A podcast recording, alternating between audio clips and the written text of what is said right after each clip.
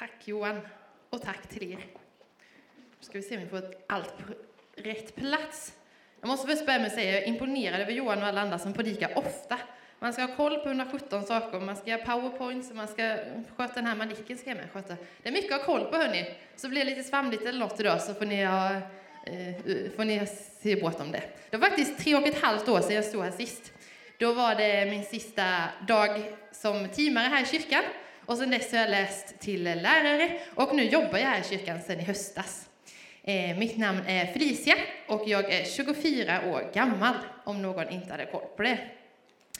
I julas när jag var ledig så eh, fanns det inga barn att ta hand om i hallen och det var inte så mycket här att göra heller. Eh, så jag bara kände att jag måste skriva en predikan. Ingen hade bett mig att göra det, jag hade inget datum, men jag kände att jag skulle göra det. Och eh, helt plötsligt så blev eh, den ekumeniska helgen inställd. Och här står jag idag, så det passade ju perfekt. Som eh, rubrik för den här predikan har jag satt Att snylta ifrån Gud. Och jag vet inte vad du tänker på när du hör det där. Vid första anblick så tänker jag faktiskt på jordgubbssylt, för jag tycker att snylta och sylt är lite likadant. Men vid en andra anblick så får jag lite dåligt samvete. För hur ofta snyltar jag inte från Gud egentligen? Jag ska alldeles strax förklara vad jag menar och i slutet av predikan så hoppas jag att ni har förstått vad jag vill säga idag. Men först ber vi en bön tillsammans. Tack Jesus för den här söndagen. Jag tackar dig för varenda en som är här i Pingstkyrkan och jag tackar dig för varenda en som följer oss via webben. Jag tackar dig för att du vill vårt bästa och för att du är på vår sida Jesus. Jag bara tackar dig för den här stunden som ligger framför Gud. Du ser de ord som det känns som du har lagt på mitt hjärta. Om de inte är till någon annan så tror jag de är till mig Jesus. Och jag bara ber att det ska få bli en fin stund som ligger framför Gud. Jag ber att du ska öppna våra hjärtan, att du ska göra oss mottagliga Gud.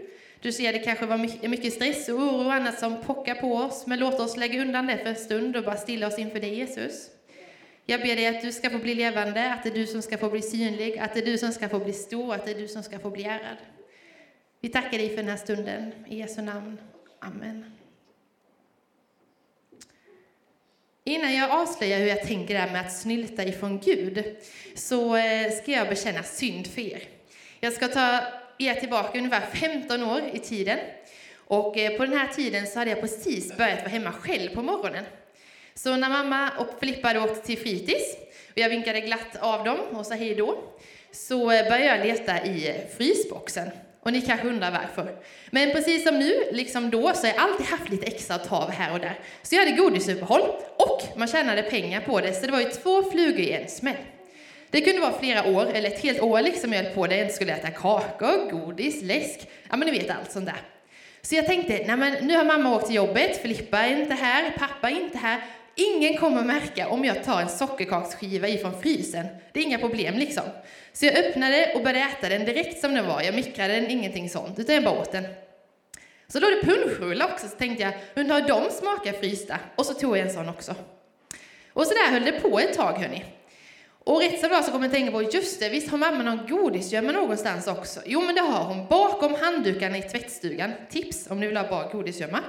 Eh, där visste jag att hon hade en påse med godis, så jag letade upp den, tittade i påsen och såg, men wow, skumbananer, hur smakade det egentligen? Det var typ så här åtta månader sedan sist. Jag tar en hon märker ingenting. Och djungelvård, hur var det? Och så där höll jag på. Och det funkade ganska bra. Jag fick lite dåligt samvete och jag fick i mig lite socker. Rätt som det var så sa mamma en dag, alltså är det någon som har smakat av mitt godis eller? Nej, ljög jag. Men då måste vi ha möss i huset för det har minskat godiset. Ja, kanske vi har. Jag vågade inte erkänna. Jag visste så väl att jag hade gjort fel, men jag kunde bara inte erkänna.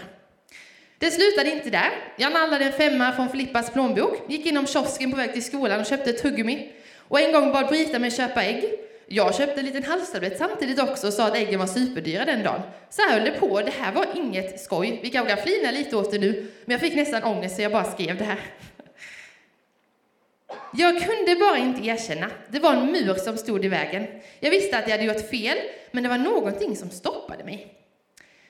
Det här är en berättelse när jag nallar ifrån mina nära och kära. Jag hoppas jag inte blir av med tjänsten på grund av det här. Jag har sagt förlåt till Gud många gånger och till mamma och, och, och Filippa och Brita och alla inblandade, så allt är okej okay, liksom. Men det slutar inte här, jag har också nallat ifrån Gud. Jag tror att jag gör det alldeles för ofta, men inser det på tok för sällan. Och dagens predikan så skulle jag vilja utgå ifrån Matteus evangeliet kapitel 6, vers 9-12. Men det här är Fader vår, men det är också tre stycken meningar som inte står med här, men vi läser tillsammans. Det är Jesus som säger, så här ska ni be. Vår Fader, du som är i himlen, låt ditt namn bli helgat. Låt ditt rike komma och låt din vilja ske på jorden, så som det sker i himlen. Ge oss idag vårt bröd för dagen som kommer och förlåt oss våra skulder, liksom vi har förlåtit dem som står i skuld till oss. Och utsätt oss inte för prövning, utan rädda oss ifrån det onda. Och de tre sista meningarna som inte står med Ditt är riket, din är makten och äran i evighet. Amen. Och de här tre svarta markerade meningarna som jag skulle vilja utgå ifrån i min predikan idag. Och vi ska ta det från början med den första, första meningen. Ditt är riket. Just ordet rike kanske inte är något ord som vi använder till vardags när vi pratar. Men jag sökte upp lite synonymer och några av dem är land, stat, välde, nation eller kungadöme. Och det kanske vi kan relatera, till lite bättre. Jag skulle vilja ta er tillbaka till eh, nästan början av den här jorden. Och vi läser ifrån Första Mosebok och den hoppar lite här, så följ med på skärmarna. Detta är berättelsen om hur himmel och jord skapades. När Herren Gud gjorde jord och himmel, när ingen buske fanns på marken och ingen ört hade spirat. Eftersom Herren Gud inte hade låtit något regn falla på jorden och ingen människa fanns som kunde odla den. Men ett flöde välde fram ur jorden och vattnade marken.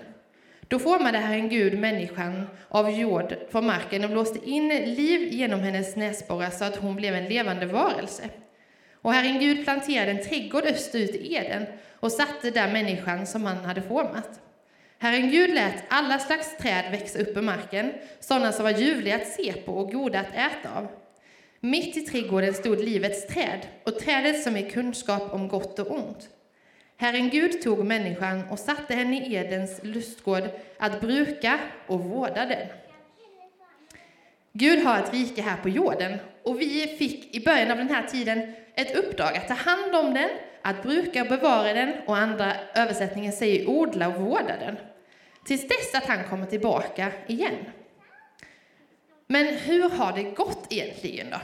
Jag gjorde en liten research för att kolla och klimatforskare är överens om att de snabba klimatförändringar vi ser idag beror på mänskliga aktiviteter. Växthuseffekten och den globala uppvärmningen är alltså du och jag en aktiv del av. Världsnaturfonden säger att människan idag lever som att hon hade 1,7 planet. 1,7 planet, sug på den. Men inte vi i Sverige kanske du tänker då. Och det är helt, helt rätt. För vi lever som att vi hade fyra planeter istället.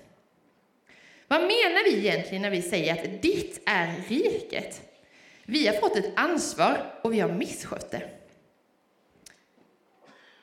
Tänk dig att din granne knackar på dörren en dag och så säger han, du, jag ska åka till Gran Canaria nu i en vecka, skulle du kunna ta hand om Charlie?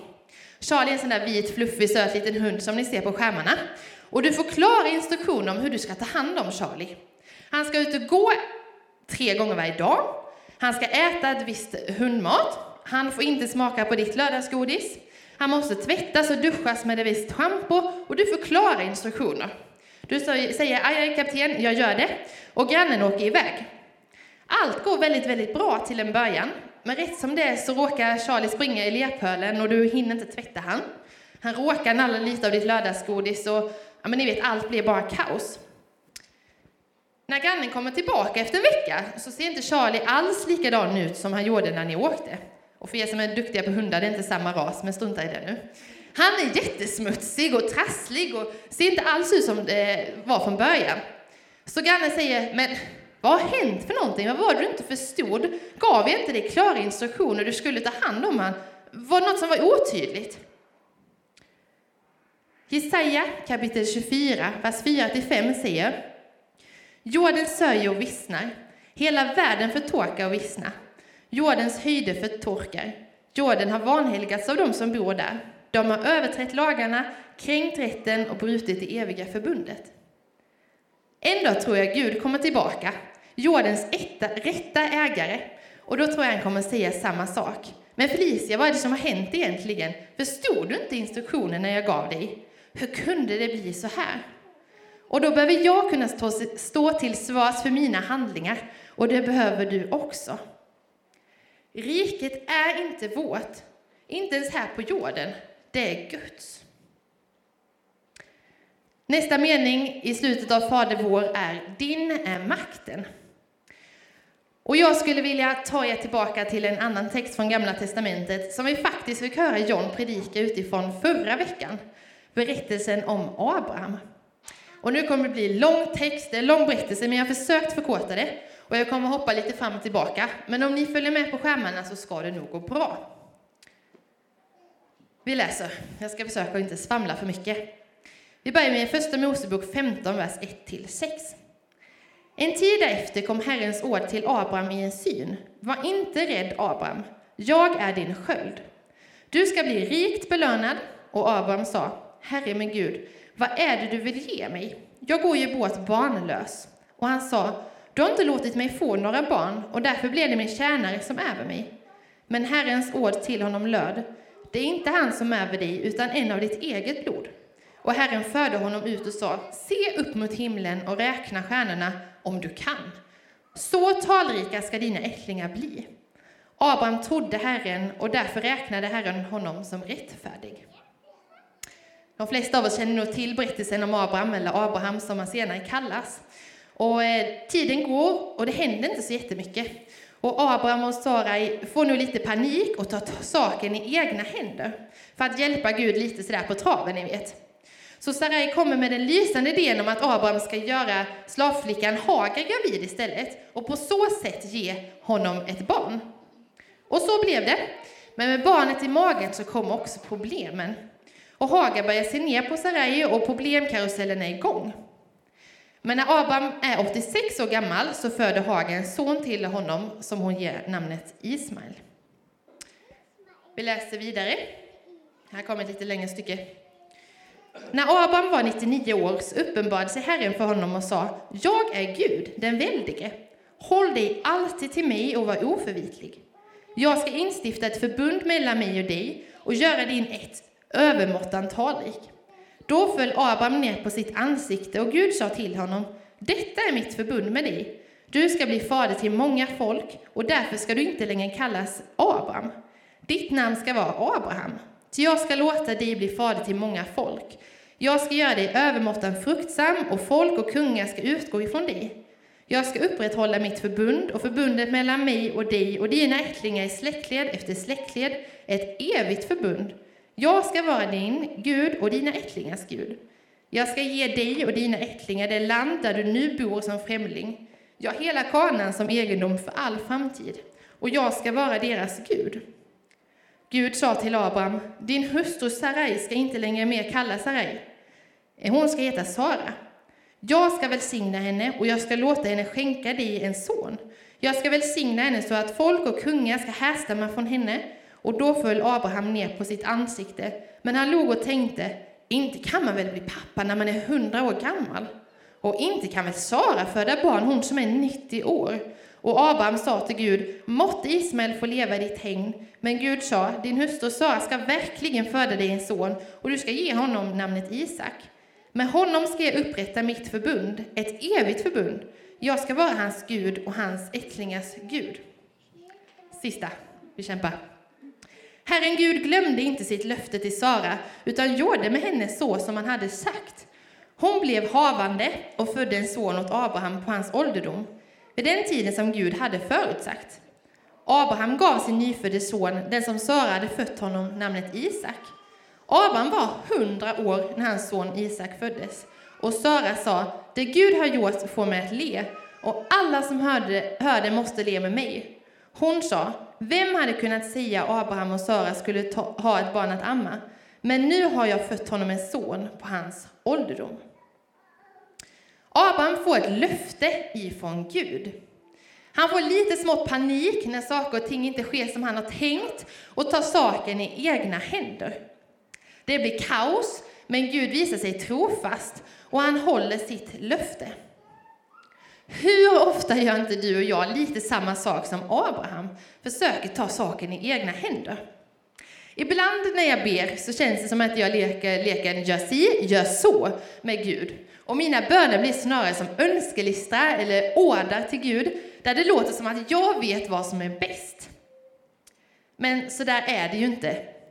Jag skulle vilja ge en bild till er. En rallyförare. En rallyförare är riktigt duktig på att köra snabbt och bra i, i, i terräng där det är kurvigt och lustig väg som vi andra inte alls kan. Men en rallyförare sitter sällan helt ensam i en bil utan har en co-driver med sig. Någon som kan läsa kartan och säga vart man ska. Så här står det på Wikipedia om en co-driver. Kartläsare, även co-driver, en person som ger föraren av ett ekipage, till exempel i en bilrallytävling, instruktioner om hur föraren ska köra. Tänk om en rallyförare ändå sa, jag vill inte ha någon som sitter bredvid mig och säger vart jag ska köra. Jag vill göra allt själv. Jag vill både köra bilen och jag vill läsa kartan. Jag vill ha full koll själv. Den tävlingen skulle nog inte gått sådär superbra, tror inte jag. Men så där är det i våra liv också. Gud vill vara vår co-driver. Han vill vara vår kartläsare som sitter med oss i livets rallybana. Han vill visa oss rätt väg, säga vart vi ska och vart vi inte ska köra. Han vill och både ha kontroll över både ditt och mitt liv. Våga ge honom kartan och låt honom ha makten.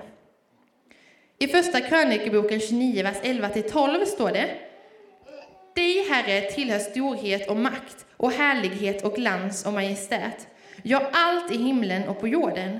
Ditt är riket, Herre, och du är den upphöjde härskaren över allting. Rikedom och ära kommer ifrån dig, och du råder över allting. I din hand är kraft och styrka. Du har makt att göra stort och starkt. Gud, din är makten. Den sista meningen i Fader vår är Din är äran i evighet. Och jag tänkte att vi skulle börja med att titta på en liten film. Det är en reklamfilm som vi nog alla känner igen. Och nu håller vi alla tummar vi har för att det här funkar.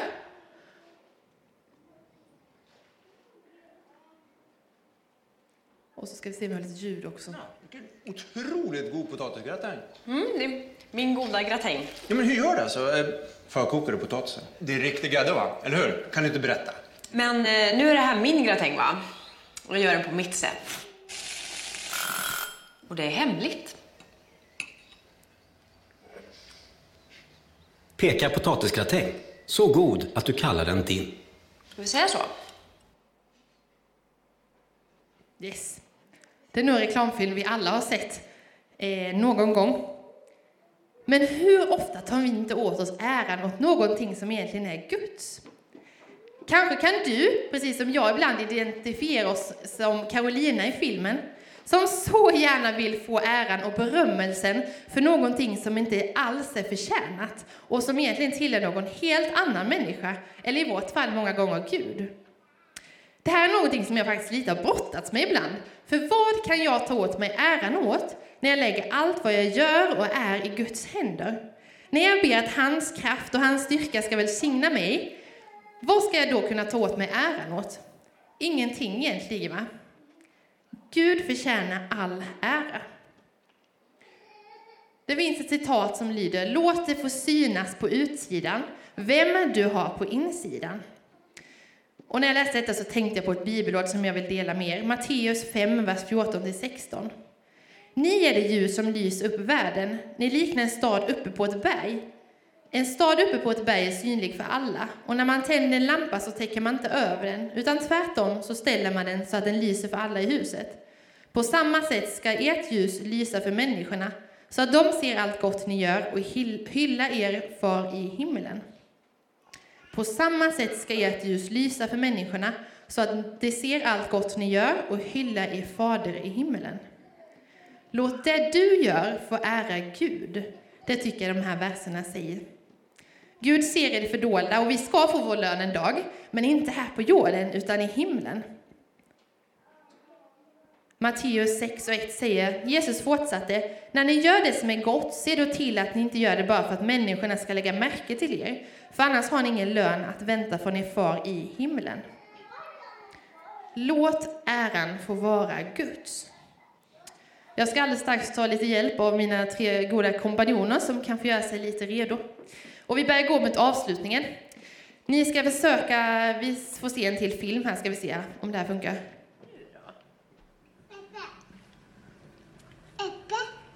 Ja, men måste man ta en tugga av varje äpple?